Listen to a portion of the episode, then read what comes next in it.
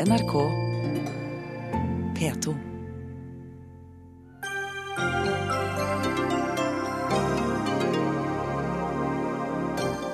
Våpenhvileavtale på plass i Ukraina gir håp, men mange hindre skal forseres før det kan bli varig fred, mener forsker som har lest avtalen.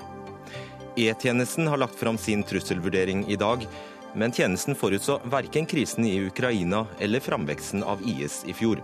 Kan vi stole på E-tjenesten? Vi er en av verdens beste idrettsnasjoner, skryter idrettspresidenten. Vel, langrenn er omtrent like populært som okseridning, svarer Golfforbundet, som vil ha mer av idrettspengene. Og sitter du akkurat nå i bilen på vei til hytta en torsdagskveld, bør du bli ved radioen. For da er du lat og bidrar til at Norge blir mindre og mindre produktivt, sier næringslivsleder.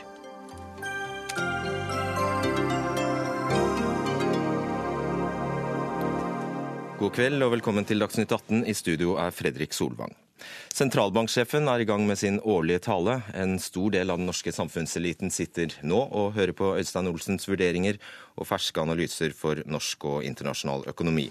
Og Trond Lydersen, økonomireporter her i NRK, du er også i salen eh, for å få med deg den årlige tilstandsrapporten fra sentralbanksjefen. Hva er budskapet hans i år? Ja, det er, en, det er, en, kur som er budskapet. og Den, den kuren altså den har en samlet i en setning. og det er At det går fra at Norge er i en særstilling til at vi er under omstilling. Og Da mener han omstilling bort fra olje.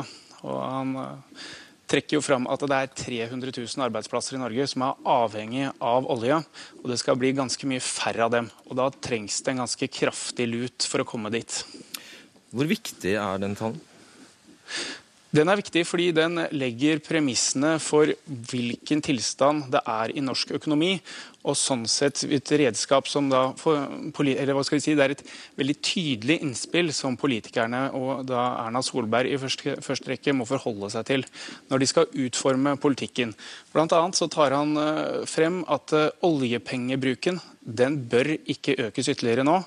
Det vil jo være en liten hodepine for Erna Solberg. Eh, mange liker å mene noe om hva han kommer til å si. Hvilke forventninger har vi hørt? Det har vært både forventninger om at eh, han vil kunne si noe om at norsk rentenivå vi har sett eh, skal enda mer ned. Vi vet jo at den svenske sentralbanken senket renta si i dag til minusrenter, minus 0,1. I Norge så er den fortsatt 1,25 eh, Det er ikke noe som eh, han ut fra det vi kjenner til, kommer til å nevne i talen. Eh, det har vært forventninger om innstramninger, nettopp som han snakker om når det gjelder oljepengebruken. Det var forventa. Da skal du få sette deg og lytte, Trond Lydersen. På slutten av sendingen skal vi så tilbake til Norges Bank for å få reaksjoner på sentralbanksjefens tale. Dagsnytt 18 alle hverdager kl 18.00 på NRK P2 og NRK2.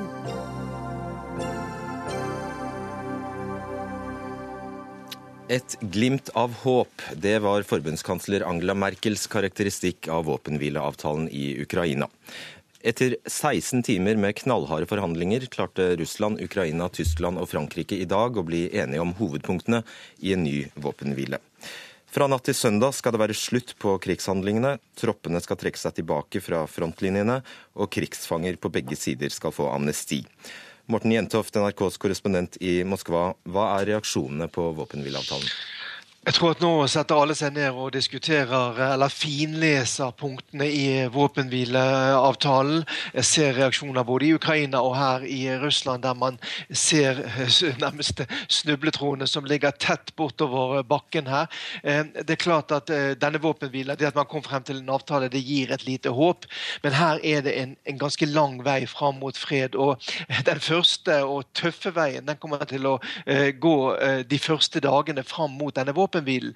Fordi at eh, det er nemlig ennå uklart hva som skal skje rundt da denne byen Debaltseve, som ukrainske styrker fremdeles holder, men som Vladimir Putin, da han orienterte pressen som den eneste etter forhandlingen i dag, sa i praksis er omringet av um, de pro-russiske separatistene. Hva kommer til å skje der? Eh, vil eh, de pro-russiske separatistene sette inn en voldsom offensiv for å forsøke å utslette da disse ukrainske styrkene? Vil de få hjelp fra Russland til å gjøre dette? Sånn at det kan bli Dette er jo en oppladning til en våpenhvile som ikke er den helt ideelle. hvis det går slik, som en del kommentatorer faktisk på begge sider her nå sier.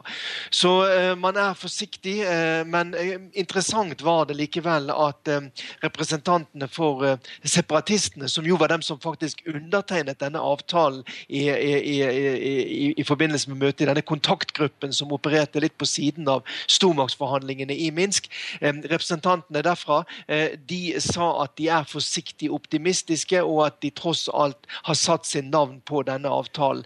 Det gir jo et, et lite håp om at eh, de som er på bakken da, i denne konflikten, faktisk er forpliktet til å nå eh, jobbe fram mot fred. Og Det betyr også at eh, separatistene er så samkjørt og så enige i det Russland har forhandlet fram at alle partene vil legge ned våpnene? Ja, Det er det jo mange som også lurer på. Hvor sterk kontroll har disse separatistlederne over de enkelte kommandantene ute i felten. Vi vet f.eks. at i dette Luhansk-fylket så har det vært flere av disse militære avdelingene som opererer mer eller mindre for seg selv. De sier at de kun lyder ordre fra Russlands president Vladimir Putin. Vil de godkjenne denne avtalen? Det er også høyst uklart. Men det er et lite positivt tegn at tross alt lederne for separatistene separatistene nå sier at eh, de har satt sitt navn under denne avtalen, og at den gir et lite håp om, om fred. Ja. Og så er Et av punktene i avtalen handler handler om å slippe løs fanger. Blir det enkelt? Ja, altså, den, Det er en vei frem dit også. Sant? Først skal man da få denne våpenhvilen på plass. da, Natt til søndag så skal det gå 14 dager. En ganske komplisert prosess der man skal trekke tilbake de tunge våpnene. Når det er gjort, når alle kan si at ok, nå er våpnene eh, trukket tilbake i tråd med avtalen, så har man da fem dager på seg da til å sette fri eh, alle krigsfangene. Og eh, Spørsmålet her er jo også litt uklart. Skal man sette fri én for én, eller skal alle settes fri her? Det er også noe uavklart. Og I tillegg så har man jo denne symbolsaken med denne eh, ukrainske kvinnelige flygeren eh, Nadezjda Savtsjenko som på mystisk vis havnet her i Russland og sitter nå eh, fengslet her, da, anklaget for å ha eh, vært delaktig i drapet på to russiske journalister. Det er jo også en sak som eh, den, den, ukrainske presidenten Petro Porosjenko sier ble løst i forbindelse med de forhandlingene, men her var man raskt ute her i Moskva og sa at så enkelt er det ikke. Hun er eh, gjenstand for etterforskning her og kan ikke umiddelbart settes fri. Kristian mm. Aatland, du er forsker ved Forsvarets forskningsinstitutt og har eh, lest avtalen. Hvor stor tro har du på at det nå blir fred i Ukraina? Det er vel som Angela Merkel sier, at det er et glimt av håp. Eh, man hadde jo en våpenhvileavtale i september 2014, som ble undertegnet den 5. september. Eh, som viste seg eh, etter relativt kort tid å ikke holde. Ehm, eh, er det andre forutsetninger nå? Det er jo på mange måter en litt endra situasjon. Nå det jo, har det vært store tap på begge sider siden den gangen. Nå snakker vi om 5300 drepte, halvannen million mennesker som er drevet på flukt. Og det er en krigstretthet eh, på begge sider, både blant de ukrainske regjeringsstyrkene og særlig de vernepliktige avdelingene, og òg eh, på russisk side og blant, eh, blant separatistene. Eh, I tillegg så er jo sanksjonene blitt trappa opp eh, trinn for trinn gjennom hele denne perioden. Og spørsmålet om våpenhjelp til Ukraina er kommet på agendaen. Og i hvert fall diskutert og finnes der som et slags eh, ris bak speilet. En annen ting som kanskje har endra, er jo at EU har kommet på banen med mye større tyngde, med den rollen som Tyskland og Frankrike ved henholdsvis Merkel og Holland har påtatt seg. Nettopp. Kåre Dahl Martinsen, du er professor ved Forsvarets høgskole. Dette er altså en våpenhvileavtale. Tror du Russland har interesse av å holde den konflikten gående på et slags lavbluss? Ja, Det vil i hvert fall ikke være noe nytt hvis de gjør det. For det er det samme vi har sett eh, andre steder i randen av det tidligere sovjetsamveldet. Altså både i Transnistria og i eh, Sør-Osetia så har Russland gående en sånn konflikt på lavbluss som de vet at de kan til hvert på ethvert tidspunkt få til å blusse opp.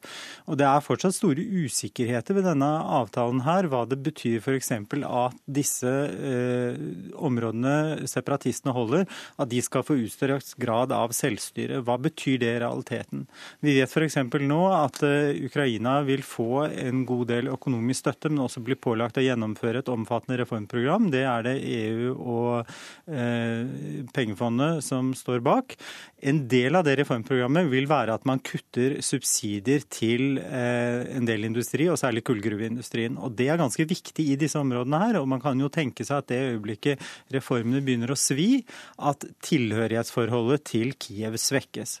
Samtidig er det også sånn at eh, som en del av gulroten i denne avtalen her, har eh, Merkel og Hollande sagt at Russland skal på en måte trekkes inn i samarbeidet mellom EU og Ukraina. Men helt hva det betyr, vet vi ikke. Og problemet her blir hvis Russland tror at de har noen form for veto over dette, sånn som de trodde den gangen de var en del av partnerskapet med Nato, så går dette skeis. Ja, for det må jeg spørre om, Aatland. Altså, det var jo nesten sånn hele dette startet. Nemlig altså, når man nå sier at skal konsultere Moskva vedrørende EU-spørsmål, så var det jo nettopp slik det startet ved at Ukraina nektet å underskrive en frihandelsavtale.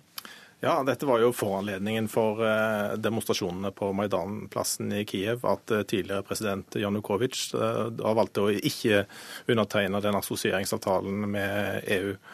Så fikk vi regimeskifte i, i Kiev, og avtalen ble undertegna i juni i fjor. og, og og Deler av eh, denne avtalen er under implementering, andre deler er eh, utsatt. Eh, så det ligger ikke noe krav i denne nye avtalen om at, om, om, i våpenavtalen altså, om at assosieringsavtalen mellom Ukraina og EU skal, skal legges på is. Så politisk er man like langt? Det har jo skjedd masse i mellomtiden. Jeg tror det er viktig å være klar over at Ukrainas president har hatt en veldig vanskelig forhandlingsposisjon. Eh, Ukraina, De ukrainske regjeringsstyrkene har ikke muligheten til å vinne en militær seier og gjenerobre disse territoriene, territoriene, slik situasjonen er nå, der separatistene støttes fra russisk side. Eh, det ukrainske forsvaret er eh, i stor grad ødelagt. Store deler av materiellet er ødelagt. Som jeg var inne på, så er det en krigstretthet blant soldatene. Kampmoralen er ikke lenger på topp. Ukraina er nære en økonomisk eh, kollaps. Og, har mistet, og, Ukraina har mista kontrollen over Krim. Så dette er et veldig vanskelig utgangspunkt sett fra president Porosjenko sin side. Tross dette vanskelige utgangspunktet så har han tross alt oppnådd en del. Denne våpenhvilen. Han har klart å unngå en deling av Ukraina og fått inn dette punktet om uttrekking av, eh, av, utenlandske styrker fra Donbas. Til slutt, Martinsen. Eh, du mener faktisk at oppi alt dette så har altså Nato styrket seg. På hvilken måte? Jeg vet ikke helt om eh, Nato har styrket seg, men du kan si at Nato har jo i hvert fall fått tilbake et slags sånn eksistensberettigelse. fordi nå ser man mye klare avtegnet at eh, russerne er villige til å bruke militærmakt for å fremme eh, politiske målsettinger på en helt annen måte enn man rett og slett trodde for bare noen, noen få år siden. Og Det er jo en av kostnadene for Putin med dette, er at man faktisk har samlet Nato. Det er ikke lenger en, en slags eh, hyggeforening som det noen ganger har virket som det har vært. Eh, og Det betyr at man i Nato nå samler seg om hvordan man kan møte eh, den nye russiske bruken av militærmakt mer effektivt. For dette har vi ikke vært forberedt på. Det så man på Krim, og det har man sett her. Og I tillegg så har det jo vært en voldsom propagandakrig fra russisk side i Vest-Europa under denne konflikten.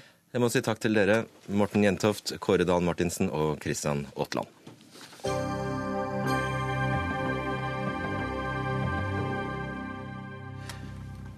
Ja, og Enigheten eh, om våpenhvilen i Ukraina kom på plass rett før eh, sjefen for etterretningstjenesten Kjell Grandhagen la fram sin åpne trusselvurdering i dag. Fokus 15 heter den, der også Russland var tema. Og Du får straks ordet, Grandhagen, men eh, først til deg, forsvarsminister Ine Eriksen Søreide. Du holdt altså pressekonferanse om, om, denne trusselvurderingen da nyheten om våpenhvileavtalen kom. Hva tenker du om nyhetene fra Ukraina? Det er jo oppløftende nyheter hvis de lar seg gjennomføre, men vi har jo samtidig sett en tidligere Minsk-avtale fra i fjor ikke bli etterlevd og overholdt. En våpenhvile er jo det første nødvendige skrittet på vei til en politisk løsning og en fredsavtale. Men jeg tror det er stor spenning til eh, hvordan dagene fram mot søndag, når denne skal implementeres, vil slå ut. Og jeg tror det er viktig å ha en eh, nøktern optimisme. Både Merkel og Hollande sier jo selv også at det er et glimt av håp. Eh, men jeg tror nok også de har en en nøktern eh, holdning til hva vi kan forvente de neste dagene. Det vil jo avgjøre mye.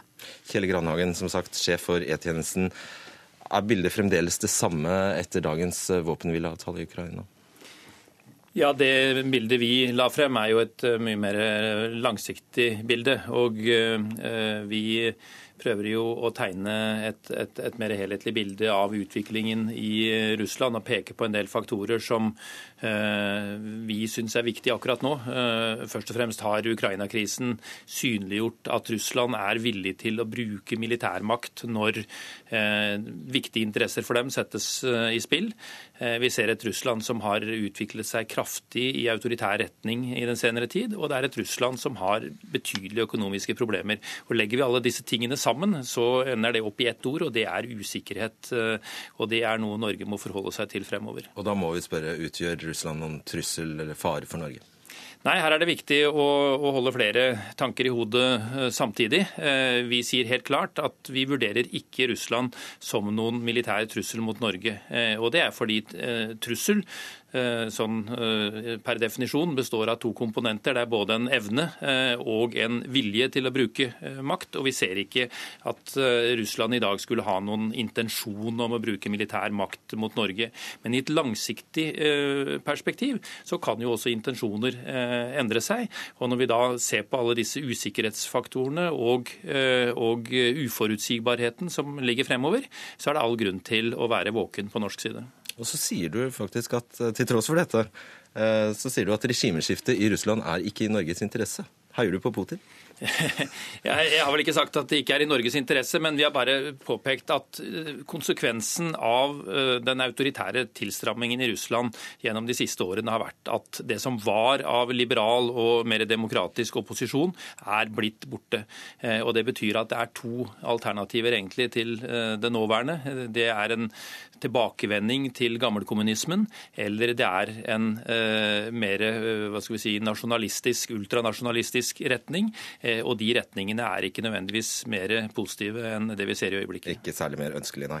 Eh, Ine Eriksen eh, Søreide, vi skal tilbake til, til innholdet i, i, rapporten. Og i dag sier du deg fornøyd med E-tjenestens arbeid, selv om Granhagen verken forutså krisen i Ukraina eller framveksten av IS. Hvordan kan du likevel, likevel være så fornøyd?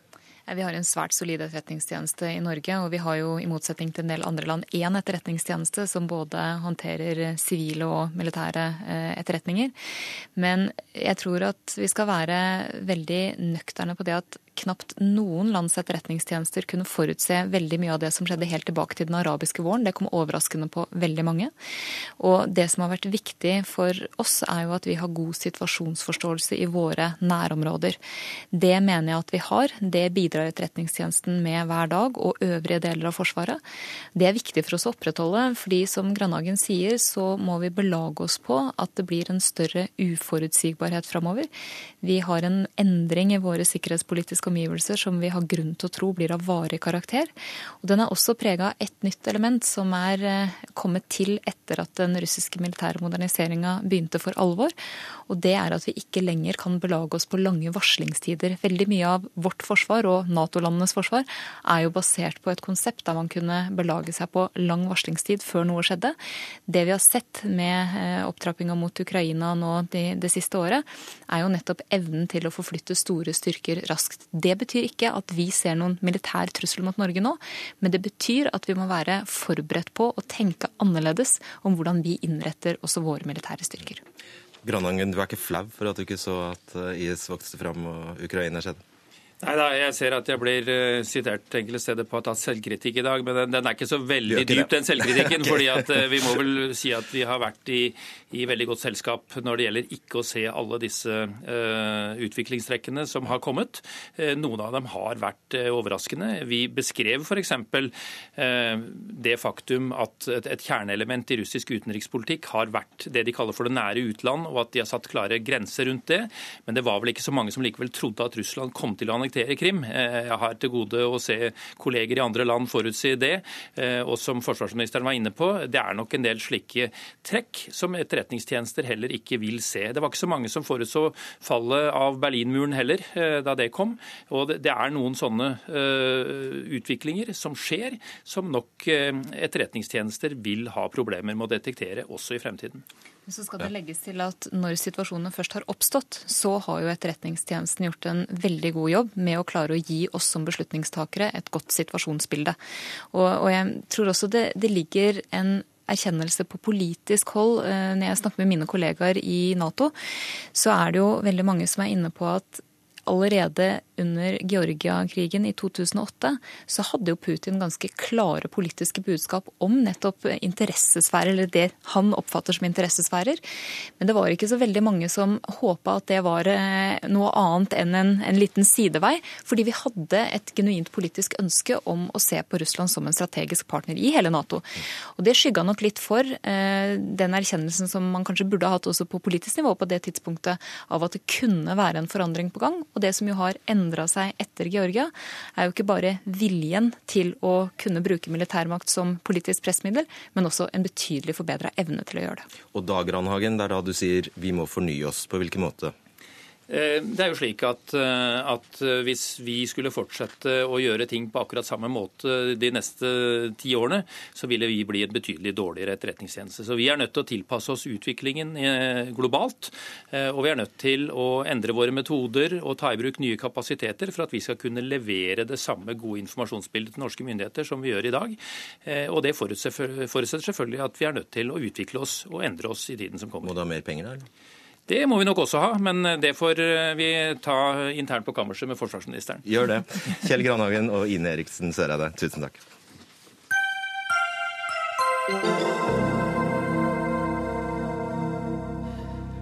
Norge er en av verdens beste idrettsnasjoner med 1000 gullmedaljer. Har det da noe å si at den tusende gullmedaljen er i skiorientering? Eh, Tore Øvrebø, eh, Olympiatoppens eh, leder, hevder i en oppsummering av idrettsåret 2014 eh, at Norge er av beste, en av verdens beste idrettsnasjoner. Eh, men det nytter ikke å ta utgangspunkt i et kuriøst nettsted som også rangerer Burkina Faso til verdens tredje beste fotballnasjon. Dette er dine ord, eh, president i Norges Golfforbund, Finn H. Andreassen. Eh, hvordan har dette nettstedet kommet fram til at Norge er blant verdens beste på medaljer? Nei, det må du nesten spørre Tore Øvrebø på, fordi eh, jeg mener at det ikke er det. Du reagerer på eh, denne tallbruken? Ja, jeg syns jo det er statistisk artisteri å få det til. Når det nettstedet f.eks. sa at Burkina Faso og Norge var den tredje beste fotballnasjonen i 2013, så er det klart at det er noe som ikke stemmer. altså. Toppidrettssjef Tore Øvrebø, står du fast ved på at eh, Norge er verdens nest beste idrettsnasjon målt etter folketall? Ja, Det er viktig å få med det siste der, at det er målt etter folketall. Det er ingen her som har hevdet at Norge er en stormakt i idrett generelt sett, men vi gjør det ganske bra i sammenlignbare nasjoner, og vi ligger høyt på alle disse statistikkene når vi tar, tar eh, hensyn til folketallet. Og Det er også viktig å minne om at vi faktisk ble nest beste nasjon i OL i Sotsji, som var mindre enn et år siden ble avsluttet. Og Da er det vanskelig å si at vi ikke er en OK idrettsnasjon. Men jeg vil også det er vel kanskje bare Finn som har hisset seg opp over en kronikk som jeg skrev, som verken NRK eller VG ville ha inn. Men den ligger da på olympiatoppen.no for de som vil se eh, kilden til Andreassens eh, frustrasjon. Skal være glad noen vil gå inn der og ja, lese. Det håper vi på flere til. Hvis ikke de ville ta den, da. Nei, det var jo blitt veldig mye mer eh, fart i interessen rundt den, og det var noen som kontrasterte den virkeligheten som vi forsøkte å beskrive der. Men, men dette var jo noe av det som egentlig er mitt utgangspunkt. Det er at man måler egentlig det beste ut fra øvelser, små øvelser, eller store øvelser i små idretter, hvor det er masse medaljer å ta. Det er klart I langrenn så er det altså 36 medaljer du kan hente hjem. Eh, I ishockey, som er verdens største vinteridrettsgren, der er det tre medaljer å hente. Og da er det klart at Hvis man gjør den prioriteringen som Olympiatoppen gjør, så kan man få veldig mange artige statistikker. Og man kan si at vi er 10 ganger, 20 ganger bedre enn de som f.eks. vinner gull i verdens største vinteridrett. Det er statistikk på veldig avansert nivå. Men jeg skjønner at dere skal ha en måleenhet for å finne ut av dette, og dere skal rettferdiggjøre den satsingen dere gjør. Det jeg egentlig vil, det er at vi nå skal begynne å se på om ikke det er ressurser i Olympiatoppen til å kunne overføre den spisskompetansen dere har verva over så veldig mange år, også til andre idretter. Og det er det jeg egentlig etterlyser. Det er jo en veldig fin oppfordring. for Det er jo hele grunnideen med Olympiatoppen. det At vi skal lære på tvers av forskjellige grener og forskjellige idretter. Og det jobber vi med hver dag. Eh, jeg har på følelsen at du snakker om penger her, men jeg tenker at det som er like viktig, det er jo kompetanse. Og de idrettene som lykkes best, det er jo de der som også har en sunn finansiering i særforbundet, som ikke er oss. Vi er en del av Norges idrettsforbund, som jobber med de som allerede har blitt gode. Og det er jo sånn at eh, De idrettene som gjør det best, de har også en sunn drift og en god base og en brei rekruttering. Og det er noe av det som er hovedpoenget med prioriteringen, at vi er nødt til å prioritere idretter som er viktige i Norge. Det gjør alle andre land. De prioriterer de idrettene som er viktige i sitt land. I noen land er det golf, f.eks. Korea. De har jo da omtrent eh, halvparten av de som er topp 50 på kvinnesiden, og der er da golf veldig viktig. Så det prioriterer de høyt. Vi prioriterer vinteridrettene høyt. De betyr mye for det norske folk. Så vi bare kikker på sendeflaten her i dette huset her, så brukes ja, det, det mye tid på Og det er en del av det som gir relevans for toppidretten i Norge, det at det oppfattes som viktige idretter i Norge. Det er vår hovedprioritet. Og så jobber vi med mange andre også, og vi jobber nettopp sånn som du sier, på tvers for å dele på kunnskapen. Dere gjør det Nei, det kjenner du faktisk ikke til. Vi ja, jobber med, med hele tiden hver dag. Dere, dere lager statistikk ut av å gå på de uh, små idrettene som er viktige i Norge. Og det er viktig, det òg. Jeg forringer ikke det. Jeg er ikke på jakt etter å hente penger ut fra, ta penger vekk fra langrenn eller noe som helst. Jeg er opptatt av at dere også må ha et øye på hvordan man kan utvikle de andre idrettene. Og det jeg ikke får svar på, det er hvilke prioriteringer dere gjør, og hvordan dere gjør disse prioriteringene. Dere sitter bak eh, nedrullede gardiner på Olympiatoppen og du gjør bestemmelser, og når vi sender en søknad og sier nei, det nådde ikke opp, det gikk ned i papirkurven. Det er ikke sånn det må funke. Vi skal ha åpenhet, vi må kunne diskutere hvordan disse prioriteringene blir gjort. Hvordan blir pengene brukt? Jeg har f.eks. spurt deg hvordan blir, bruker man disse forsknings- og utviklingsmidlene på 42 eller 44 millioner som du har til rådighet? Jeg har fått til svar nei, det vil vi ikke fortelle. Kan fortelle om det nå, da.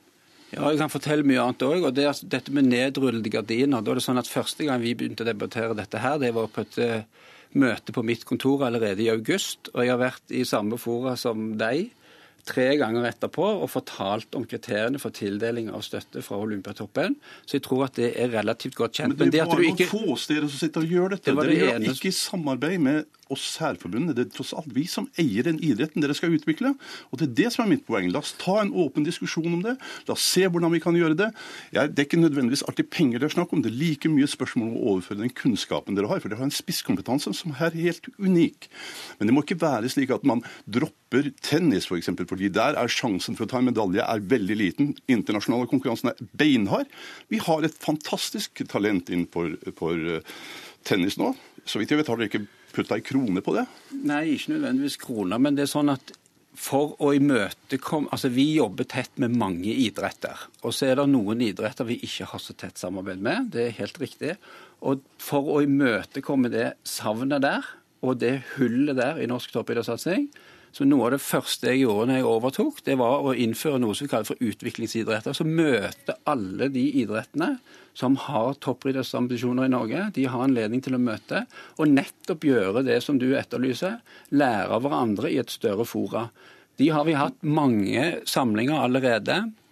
Og Det får udelt positive tilbakemeldinger. og Det er nettopp den måten vi ønsker å jobbe på. Når vi ikke har anledning til å prioritere de høyt på ressursene, da må vi være hypereffektive i måten vi jobber på. Og Da er det på tvers tanken å samle sammen og lære av hverandre i samme rom til samme Ja, tid. nå som ble det bra. Nå fikk du noe av kronikken din, egentlig, som du ikke har fått tidligere. Ja, Det må være rask. Ja, det, det som er Mitt poeng er kort og godt hvem tar avgjørelsene? Er det dere i Olympiatoppen i en liten snever krets som gjør det? Jeg mener det må være mye større. Det må enten være idrettsstyret som putter det inn i et idrettspolitisk dokument og sier at det er disse områdene vi skal satse på. Da er det en fair, åpen debatt. Men som det er nå, så er det masse hemmelig, og vi får ikke vite hvordan det skjer. Jeg hadde ikke trengt å være her. Tusen takk, Finn H. Andreassen og eh, Tore Øvrebø. Hør Dagsnytt 18 når du vil. Radio NRK Radio.nrk.no.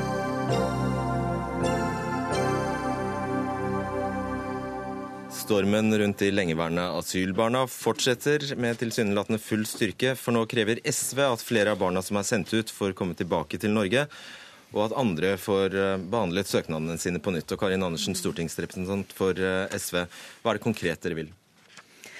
Ja, nå det kom en eh, avtale mellom regjeringa og Venstre og KrF, så sa de at de skulle ta mer hensyn til de lengeværende barna. Og så forhandla de fram en avtale som egentlig var en innstramming, og den fikk de ikke gjort noen ting med før Anundsen blei avslørt i den skandalen han har lagd. I mellomtida så har vi sett at eh, mange barn har blitt sendt ut. Vi har prøvd å få stilt disse sakene i bero til de var ferdig med en avtale som skulle være sånn de hadde lovt. Det fikk vi ikke til. Og det, vi ser jo nå at veldig mange barn har blitt sendt ut som kunne ha fått opphold med de nye forskriftene, og da mener vi det er rett og rimelig å gjøre det sånn. Vi hadde jo en Ja, hva, slik hva, helt konkret, hva, jo, hva at mener de du skal får behandla sakene sine etter det nye regelverket. Men de er jo ikke i Norge. Nei, de er ikke i Norge, men det går jo an å behandle sakene dem, deres på nytt, for man veit jo hvem de er. Skal man hente dem hit? Eh, nei, ikke de. Okay. Men de vi har sendt til Afghanistan. For det er jo noe helt nytt. Det har vært mulig å sende til Afghanistan i flere år. Men det har ikke, gjorde jo ikke vi når vi satt i regjering. Det har denne regjeringa gjort, og det har de gjort på tross av at FN har sagt at det må vi ikke gjøre. Men bare for å rydde, det er egentlig to forskjellige, det er det er, altså to, to det forskjellige er to saker. forskjellige ting, og Ja. grunnen til at vi sier at vi må hente dem, er jo nettopp det at FN har sagt at dette er livsfarlig. Uh, Afghanistan har sagt at dette må vi slutte med, og til og med UDI har sagt for over et år siden at dette her måtte vi ikke gjøre. Allikevel så har man fortsatt å gjøre det, og de familier, de barna, de må vi hente tilbake igjen. Geir Soskedal, du er stortingsrepresentant for Kristelig Folkeparti. Er du enig i at eh, de barna som eh, nå er sendt ut, eller de familiene som nå er sendt ut, som kunne ha kommet inn under nytt regelverk, bør få sakene behandlet på nytt? Det er Kristelig Folkeparti sitt syn at de kunne komme inn under den nye avtalen som vi har inngått. Vi vil derfor utfordre regjeringen i denne situasjonen til å se på eventuelt en forskrift eller noe som gjør at vi kan behandle deres saker på nytt. Men Skal de komme hit? Å ta de hit på forhånd, det har ingenting med barns beste å gjøre. Barns beste vil jo bli en, eh, å behandle sakene så fort som mulig, individuelt, på de nye vilkårene som finnes. Og jeg utfordrer regjeringen, Høyre og Fremskrittspartiet til å hjelpe oss med å få en juridisk holdbarhet i den saken. Men å ta de hit, som SV foreslår, det vil bli eh, Hun vil jo bare ta men, de afghanske familiene hit. Ja. Det, det, Ja, nei, ikke- ikke noe debatt om det, Jo, men, fordi- men det er litt ja. viktig at det ikke blir festa seg, at, det, er- at vi har sagt at vi skal hente alle hit. Det gjelder kun de som er sendt på internflukt til Afghanistan. Det er det samme hvem det gjelder. Så er det barns beste som teller, og vi kan ikke ta barn hit og så risikere at de blir sendt tilbake igjen. men Det vil jo bli helt feil. skal, at, de, at de vi har sendt til Afghanistan, må vi ta hit. For det er noe vi ikke har gjort før, og noe som debatt, Afghanistan ja. sier er er farlig. Et ja- eller nei-spørsmål til begge dere to, som lovgivere. Lager dere lover i dette landet med tilbakevirkende kraft? Nei, det gjør vi ikke. Og Nei. når vi Stortinget kan gjøre det. Og jeg Gjør dere det vanligvis? Nei. Men, og derfor men, er det Men i dette tilfellet ønsker dere altså å gjøre det. programleder, programleder, ja, dette er ikke en lovendring. Dette er en forskrift. Når vi har gjort sånne løfter før, har vi satt sakene i bero. Det ble ikke gjort nå, på tross av at vi har fått det nedstemt to ganger i Stortinget. Det hadde vært riktig å gjøre. For SV er alt man- mulig, men jeg utfordrer regjeringen til å komme på banen for å løse denne saken. Når man ikke har gjort det, så handler dette om å la de få behandla eh, sakene sine etter de reglene som nå er blitt vedtatt, og som er bedre. Skjønner. Det skal KrF ha ros for. Ja. Mazyar Keshvari, innvandringspolitisk talsmann for Fremskrittspartiet. Du kaller altså dette råpopulisme av eh, verste slag. Ja, altså For det første så er historiebeskrivelsen til Karin Andersen helt feil. Eh, det har ikke vært noen skandale som avdekket at denne forskriften kom på plass. Eh, denne forskriften er en del av samarbeidsavtalen mellom regjeringspartiene, KrF og Venstre. Og den inneholdt to konkrete punkter som da ikke var innstrammende, men oppmykende. Det ene er engangsløsningen for eh, barna, som ble implementert sommeren i fjor. Og det andre var jo forskriften som skulle legge til grunn barns beste og for lengeværende barn. Så det er et resultat av det samarbeidet at den forskriften kom på plass, og ikke det SV hevder. Dernest så reagerer jeg på den, eh, på, på, på den, affekten SV viser eh, for at man ikke har kommet eh, Jo, jo, men, men, det engasjementet, hvor var den de åtte årene de styrte? For det er jo litt underlig at hvis barn ikke har hatt godt nok rettssikkerhet, man har nærmest vært på grensen til å bryte FNs barnekonvensjon og andre ting som kom fram under høringen, så måtte, altså, altså, så måtte det en Høyre- og Frp-regjering til i samarbeid med Venstre for å rydde opp i dette. Det er ikke helt troende. Når det gjelder oppfordringer fra KrF, så tar vi den eh, mer enn gjerne.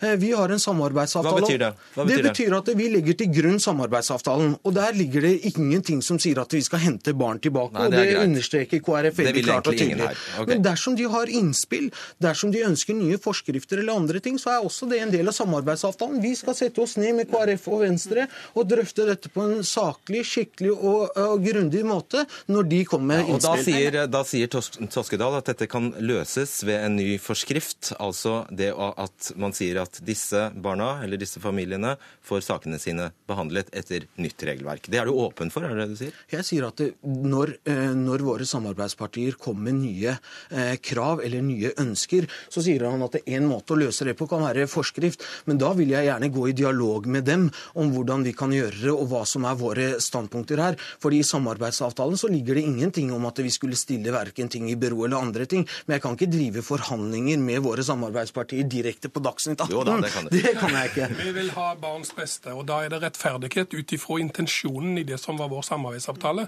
og Det betyr at disse bør få behandla sin sak. Da, da, er det én ting jeg ikke skjønner. Hvis dette var så viktig for dere, hvorfor i alle dager fikk dere ikke det inn i den avtalen dere skrev med dem? Det står i avtalen. Det står det ikke i avtalen at disse barna skal få en ny behandling etter de nye reglene enn de som er sendt ut i 2014? Nei, det står ikke i avtalen. Hvorfor står ikke det der? Fordi at vi, vi, får vite det nå, hvem som er sendt ut. Og vi har fått, visste jo fått... at barn kom til å bli sendt ut i 2014. Ja. Men det kan jeg svare på, programleder. Eh, la bare Toskedal få svare på det først. Ja, vi, Det vi har forhandla inn, var engangsløsningen og den varige løsningen som har skjedd. Og disse som er eh, sendt ut nå, skal behandles etter den varige løsningen. Så enkelt er det. Og er de sendt ut uten at vi visste om det, og det vil jo kontroll- og konstitusjonskomiteen til bunns i hva som har skjedd, så skal vi sørge for at det i samarbeid med deg å få en Andersen, ny forskrift på plass. Nei, dette, det ene er at det er feil. Kontroll- og eh, konstitusjonskomiteen skal bare finne ut om, eh, om Anundsen har eh, feilinformert Stortinget. Eh, og det har han har åpenbart også feilinformert KrF. Men det jo på grunnlag ja, pro, nei, Problemet her er jo at den avtalen dere inngikk først, var jo en skarp innstramming. Derfor tok det nesten et år og den skandalen som, som Bergens Tidende avslørte, før dere fikk såpass snakketak på Anundsen at dere fikk på plass en ordlyd som var ordentlig. I mellomtida satt dere og så på at alle disse unge har vært sendt ut. Og det som du sier nå, er nøyaktig det samme som SV har foreslått. Og, da, og jeg er veldig fornøyd hvis man nå kan bli enige om det som SV har foreslått her, men det er det vi har foreslått, bortsett fra Afghanistan, for der er det livsfarlig. Ja, men la oss ikke snakke om internflukt til Afghanistan. Jo, det er viktig, programleder, ja, for der er det livsfarlig farlig. Ja. Altså, hele, poenget, hele, poenget, er at selvfølgelig hadde vi ikke en sånn slik avtale. fordi at det er helt normalt og vanlig i et eh, demokrati at lover, regler og forskrifter gjelder inntil det kommer nye lover, regler og forskrifter på plass. Man kan ikke ha det sånn at alle som kommer til Norge og har barn eller har fått barn i Norge, skulle bare bli her i påvente av en ny forskrift. fordi de kanskje Men da kan jo ikke dere tømme lageret heller i mellomtiden? Jeg vil ikke bruke det, ja, det den betegnelsen. Jeg er klar over hva du viser til Hele poenget er at når forskriften nå er på plass, så er det jo det som gjelder, og det er fra når forskriften er på plass. Og så er det viktig å understreke at samtlige som har blitt sendt ut av Norge, har fått eh, prøvd det aller viktigste, nemlig behovet for beskyttelse. Ingen av de familiene har hatt beskyttelsesbehov. Ingen av de familiene har hatt rett til å være i Norge. Hadde de hatt det, så hadde de fått innvilget asyl. Og det er det som er det grunnleggende. Det, er det ikke brudd på det. Det er viktig å understreke i den sammenhengen. Vi har hatt to sånne endringer før. Begge gangene ble sakene stilt i bero inntil eh, den nye forskriften var på plass. Siste gang, 2007, var det 1000 barn som fikk bli. Så er det eh, slik at disse familiene har ikke fått behandlet saken sin på nytt på grunnlag av barnas lange opphold. Det er bare blitt vurdert beskyttelsessaken fra før. Ja, det betyr at hensynet til barna det er ikke ivaretatt. Og det er det denne altså, saken handler om. De åtte åra før denne forskriften så tok man ikke stilling til barns beste. Da vil jeg si til SV hvordan er det barnas beste å hente de tilbake igjen for saksbehandler, og så eventuelt å sende de ut igjen. Og til regjeringen vil jeg utfordre. Hjelp oss nå med å få en forskrift på plass, slik at vi får behandla sakene etter det som var avtalt intensjon. Men jeg lurer på om du misforstår med vilje nå, Geir Toskedal. Hvis du skal ta det med Afghanistan, og så kniper jeg deg der. Jeg må bare stille deg et siste spørsmål, eh, Toskedal. Ifølge advokat Brynjulf Friesen Frisnes i Advokatforeningens lovutvalg for asyl- og utlendingsrett, eh, som også var innkalt som ekspert under høringen, så er ikke dette mer komplisert enn at det kan ordnes med en liten eh, forskrift. Ser du for deg en veldig rask gang her? Ja, det må være en rask saksgang. Dette angår folk, det angår barn og familier, det angår våre medmennesker. De har iallfall krav på en rettferdig behandling. Ja. Du, vet du, Jeg må si takk til dere, rett og slett. Eh, og inn i studio kommer vår egen politisk kommentator Lars Nehru Sand. Når du hører eh, dette, altså debatten mellom eh, SV, regjeringen og eh, støttepartiene, hva tror du vil skje med de lengeværende asylbarna som allerede er sendt ut? Ja, det er jo litt juridisk omstridt hva som de facto kan skje med dem innenfor eh, lovens eh, rammer, også med tanke på at man ikke normalt sett vedtar ting med, med, tilbakevirkende kraft, men man har tidligere også hatt engangsløsninger av, av, ulike slag. Det som er på det rene, er jo som KrF også bekrefter i studio her, at eh, til uken, når Anders Anundsen er tilbake i landet, vil pågå eh, forhandlinger mellom eh, sentrumspartiene og regjeringen for å få på plass en eller annen løsning som enten ombefatter en eller annen måte å få gjenopptatt alle eller deler av sakene eh, på, eller eh, i ytterste konsekvens at man eh, tar noen av, noen av, eller alle familiene hjem. Det mest sannsynlige er uansett at man vil være avhengig av fra sentrums side å få gjenopptatt sakene og kunne vise at noe skjer. Mm. Ja, og Da skriver du altså i en eh, kronikk på NRK Ytring i ettermiddag at eh, ikke bare er justisminister Anundsen som er i isødet, men at også støttepartiene Venstre og KrF nå må passe seg for ikke å bli snøblinde av egen retorikk. Hva tenker du på da? De har spent buen eh, veldig kraftig i Kristelig Folkeparti og Venstre, både før, under og etter eh, høringen og utspørringen av Anders Anundsen eh, fredag i forrige uke. De har sågar sagt at høringen ville avgjøre hvor stor tillit de i det hele tatt har til han. Den høringen gikk ikke for Anundsens del eh, så veldig bra, og derfor er det jo stor forventning til hvordan de følger opp. Når de har sagt A, så bør man ofte si B og C. Eh, men det som er problemet deres, er at det politisk er krevende for dem å stille et mistillitsforslag, eller støtte det hvis noen andre fremmer det. Eh, og da står vi igjen med at de trenger en måte som det vil virke troverdig, at de ikke kritiserer han så hardt som de hele tiden har lagt opp til. Og da trenger de noe å vise til, noe å peke på, og det kan være nettopp en sånn fremforhandlet løsning med Anundsen selv. En slags redningsplanke for både Anundsen og sentrum, hvor man blir enige om å f.eks. gjenoppta noen av sakene. Og sånn anslagsvis, hvor mange snakker vi om? Da snakker vi om 1000 eller eh, noen hundre? Ja, det er jo nærmere noen hundre. Det er vel snakk om spesielt 70 barn, men det omfatter jo større familier, så det vil, være, vil vel være snakk om flere personer. Eh, men det er jo de sakene som spesielt omfattes av, av Bergens Tidendes journalistikk. Men også eh, kanskje kan det være snakk om andre saker, men det, det har vi vel ikke oversikt over nå. Utover det Bergens Tidende har rapportert om. Og På den måten kan altså KrF og Venstre komme seg unna et mistillitsforslag som f.eks. blir fremmet av SV?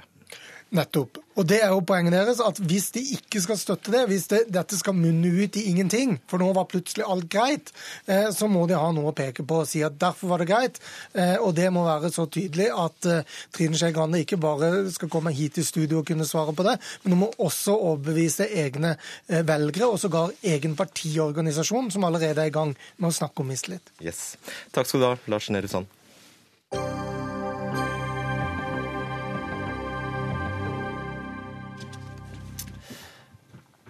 Har du tatt deg en eh, oval eh, Viken, eller har du kanskje startet vinterferien litt tidlig og sitter i kø på vei til hytta akkurat nå? I så fall er du lat. Det mener du, administrerende direktør i revisjons- og rådgivningsselskapet BDO, Trond Morten Lindeberg. Jeg vil satt litt på spissen, men eh, jeg mener mange gjør det litt for ofte, og at det er et tegn på latskap, ja. Eh, hvis jeg skal spissformulere meg. I Til Dagens Næringsliv sier du at eh, nordmenn er for late og for opptatt av eh, fritid. Hva er problemet med det? Det er for så vidt ikke noe problem i seg selv. Det som er bra med det, for å ta det først, det er jo at man klarer å balansere ulike deler av livet. Som har med venner å gjøre, som har med trening å gjøre, som har med familie å gjøre, og som har med jobb å gjøre. Eh, det jeg føler, det er at eh, mange strekker strikken for langt, og at det helt åpenbart går utover produktivitet i arbeidslivet, effektivitet i arbeidslivet, og at Norge som nasjon ikke får tatt ut det potensialet vi har. Eh, og Norge trenger konkurransekraft. Og Det var det som var utgangspunktet ditt. Du kommenterte på Produktivitetskommisjonen, som altså la fram sin rapport for regjeringen denne uka. Og du mener faktisk at de ikke var tøffe nok. Eh, hva er din resept? Hvordan skal man få opp produktiviteten her til lands? Jeg, jeg tror jo eh, For det første syns jeg ikke vi skal liksom gå inn på noen sånne eh, dype definisjoner av produktivitet osv. Men jeg mener norsk næringsliv har et holdningsproblem. Og jeg peker ikke på den jevne ansatte, men jeg peker på toppledere og jeg peker på mellomledere. De er etter mitt synspunkt for mette og for lite sultne. Og Hvis vi fortsetter det, så kommer Norge til å svekke eh, sin posisjon i det globale markedet i tiden som kommer. Du er ikke rent lite spissformulert selv. Du sier at du irriterer deg over å se køen av biler på torsdager ut av eh, byen. Ja, jeg gjør det. Og du irriterer deg også over at uh, fredagskake har blitt til torsdagskake. Altså det, det, er jo, det, er jo, sånn interessant å registrere i seg sjøl, syns du ikke det? Uh, Ina, Ida Søreine Wangberg, du er redaktør i Manifest tidsskrift. er du enig? Er nordmenn late? Eh, det er veldig lite som tyder på at nordmenn er late. Nå må jeg si at Det er jo selvfølgelig et problem hvis, eh, hvis, norske næringslivsledere ikke er på jobben når de skal være der, eh, og ikke gjør arbeidsoppgaver som de, de skal gjøre. Men, men det her er på en måte en annen debatt enn debatten om produktivitet, da, som jo er viktig å ta. Nå er jo, det er jo en god nyhet at Norge ligger i verdenstoppen når det gjelder produktivitet. Altså hvor mye vi får ut av Eh, de ressursene vi legger inn, hvor mye vi får ut av hver arbeidstime. Eh, og eh, det er ikke sånn at produktiviteten er fallende, som Lindberg påstår i sin kronikk heller. Den øker litt mindre enn den har gjort før. Og det er en utvikling vi også ser i veldig mange andre land. Ja, Hvis den fortsetter å synke, så er vel ikke det akkurat bra? Nei, nei. Det er veldig viktige utfordringer å ta tak i. Eh, og den bransjen der produktiviteten faktisk er fallende, eh, er jo byggebransjen. Eh, og hvis man ser på hva som er problemet på norske byggeplasser i dag, så er det jo ikke at lederne eller de ansatte for så vidt drar på hytta tidlig på fredager. Det er jo at man leier inn billig arbeidskraft, ufaglært arbeidskraft. Sånn at det blir mer lønnsomt å la eh, litauere med dårlig betalt, eh, dårlige lønninger bære murstein opp trappene, i stedet for å la maskiner gjøre den jobben. Og vi i Norge har jo høy produktivitet, bl.a. fordi vi er flinke til å ta i bruk ny teknologi. Men når det blir på en måte billigere å, å lønne uh, ufaglært arbeidskraft i stedet for å ta i bruk maskiner og teknologi, så har vi jo et problem for produktiviteten. Lindberg, kan det ikke være så enkelt som at dess mer velstående vi er, dess mer ønsker vi å ta, ta ut den velstanden i ferie? Fri? Jo, det kan det, og det er veldig trist. Jeg tenker at hvis det, da, det har gått bra i Norge over tid. Mange har det godt. Eh, og hvis man da slutter slutter å være sulten på å utvikle seg videre, da sier jeg at da tror jeg det er eh, en stor fare for Norge. Hva er det, enkel, hva er det den enkelte medarbeider skal endre, da? Den enkelte medarbeider skal kanskje ikke endre så mye, men vi som ledere eh, vi er nødt til å ta ansvar eh, for at den enkelte medarbeider får utvikle seg i den retning de skal. Det er jo masse snakk om liksom, generasjonene i dag, hvor man peker på de unge, som jeg nå skjønner at jeg ikke er en del av sjøl, men de som er da, yngre enn meg også, som er late og som er annerledes og som har andre prioriteringer osv. Problemet ligger ikke der. Jeg oppfatter de yngste Eh, f.eks. hos oss, som de mest lojale, som de mest ambisiøse og som de som tråkker mest til. Og så oppfatter jeg andre, eh, både hos oss og andre steder, eh, som litt for mette. Og det kommer til å kvele næringslivet over tid. Men alle kan vel ikke bare ta seg i nakken og bli mer produktive? Dette må jo initieres av noen? Ja, det, må, altså det, er det, det, er det, jeg sier. Jeg tror NHO må på banen. Jeg tror LO, fagbevegelsen, må på banen. For jeg tror egentlig ikke at fagbevegelsen er uenig i det. For det jeg sier, er at norske ledere skal eh, vise ansvarlighet overfor sine ansatte. Eh, og gi de rette og gode forutsetninger for å utvikle seg videre. Og gjør man det, ja, da tror jeg eh, Norge er bedre rigga enn eh, en det vi PT er. Og jeg er redd for latskapen, virkelig. altså. Langberg. Altså, det skjer jo veldig mye produktivitetsfremmende arbeid hele tida på norske arbeidsplasser, og fagbevegelsen eh, har jo hatt en veldig stor rolle i det. Eh, når, det er sagt, så er jo ikke produktivitetsvekst alt heller. Eh, det er jo et middel for å oppnå et bedre samfunn, og ikke nødvendigvis et mål i seg sjøl. Og det mange vil si et godt samfunn, er jo når vi også har tid til å være sammen med folk vi er glad i, og, og gjøre ting som er meningsfylt også på fritida, mm. i stedet for å jobbe hele døgnet. Eh, og det som er med det norske arbeidslivet, er jo at det også eh, Vi ligger jo også på verdenstoppen når det gjelder sysselsetting. Vi har eh, flere i arbeid enn det andre land har. Og det, høre, men, da er vi jo nettopp ja. avhengig av den balansen mellom arbeid og, og fritid. Det er vel et uh, poeng Lindberg, at uh, veldig få land i verden har uh, like mange i arbeid. Ja, og Det er flott, det er fantastisk bra at så mange kvinner er i arbeid som de faktisk er i Norge. da. Og Det er jo også litt av utfordringen for at folk skal få dette til å gå opp. Jeg har tre barn sjøl, og jeg har en kone som jobber mer enn 100% og vi har en god kabal vi å, å liksom stable hver søndag kveld. Det kan jeg love deg. Men det viktige for meg det er jo at jeg får tilbringt nok tid med familien. Jeg får trent det lille jeg klarer å få til. Eh, og jeg får tilbrakt nok tid på jobb. Og så må jeg også tørre å si det siste.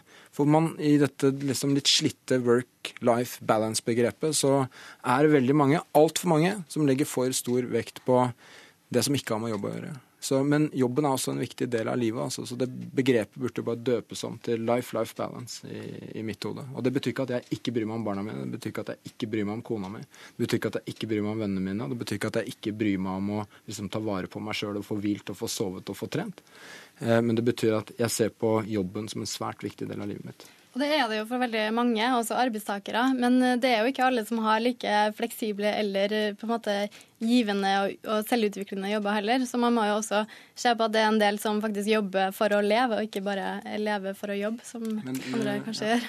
My point exactly. Jeg sier at lederne må ta ansvar for at alle får mulighet til å utvikle seg i den retning de vil. Og hvis noen velger å jobbe mindre enn andre, så er det fair enough. Men Norge som sådan må heve seg. Jeg tror jeg ønsker dere god ovalhelg, Trond Morten Lindberg og Ida Søreine Wangberg.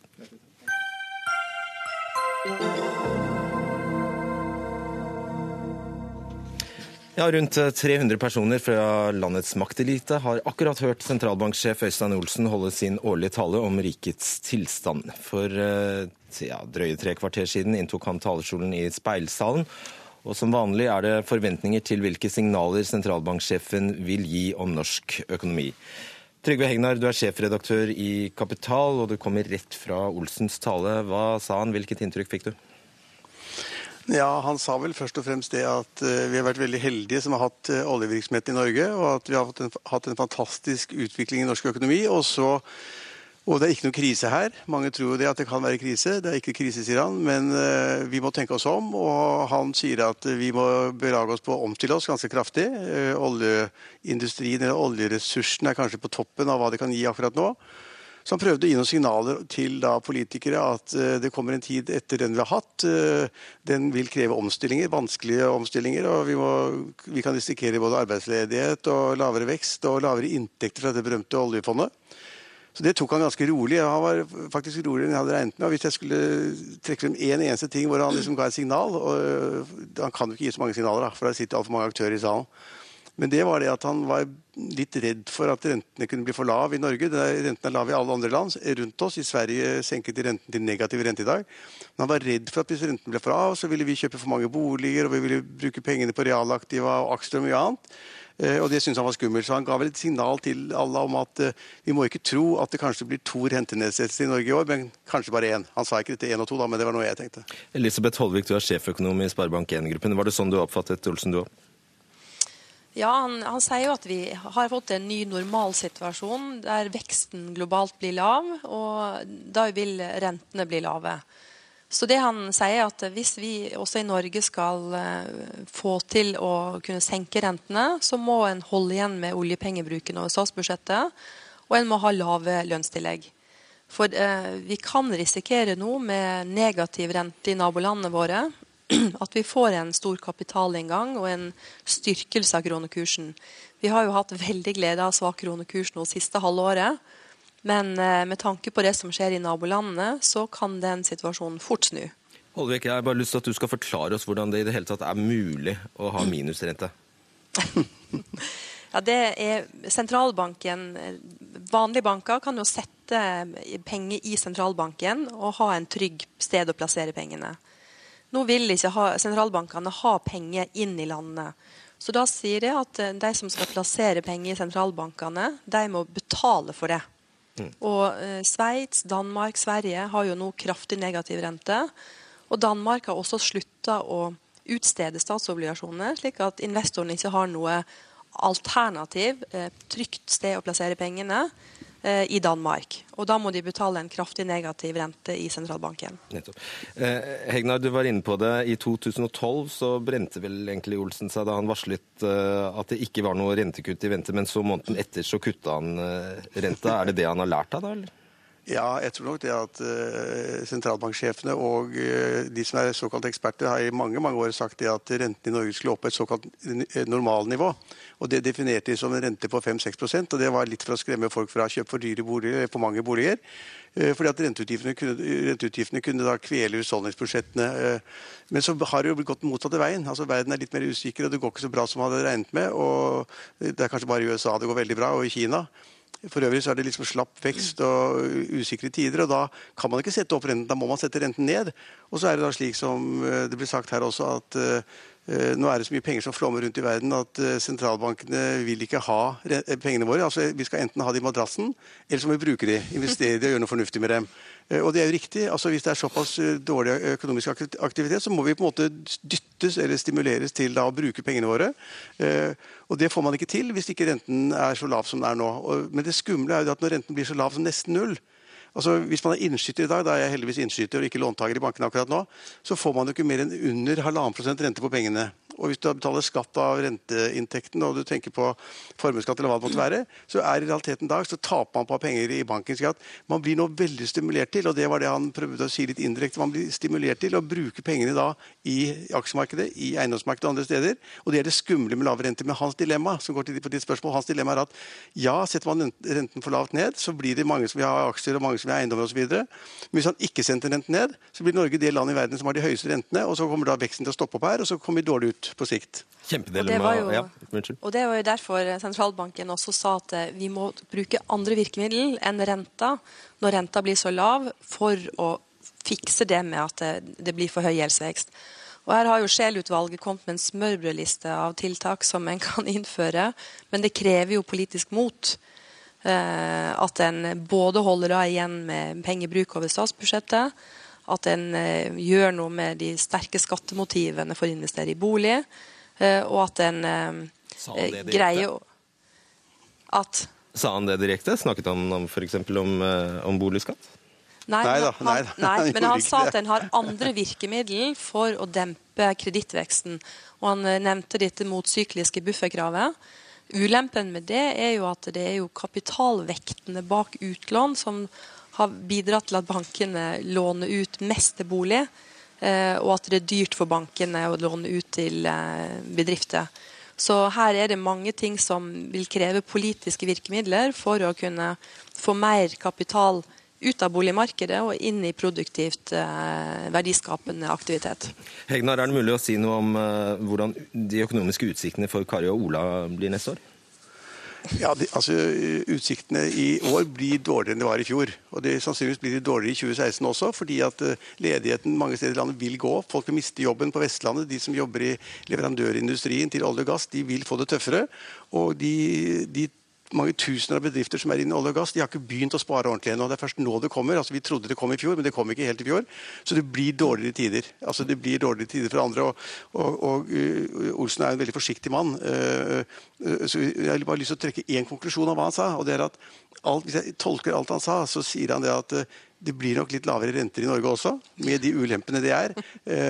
Men så tror jeg han mente å si indirekte at det kanskje bare blir ett rentekutt i år, og ikke to. Og det er veldig mange økonomer som har trodd at det kommer to, men hvis det kommer to rentekutt i år, så vil boligpriser stige med 15-20% og det tror jeg ikke han vil. Og så blir det ikke fete lønnsoppgjør. Jeg tror vi må si takk til dere i denne omgang. Jeg skal bare avslutte og si at ansvarlig for sendingen var Hege Holm, teknisk ansvarlig, ansvarlig Marianne Myrholen og i studio Fredrik Solvang.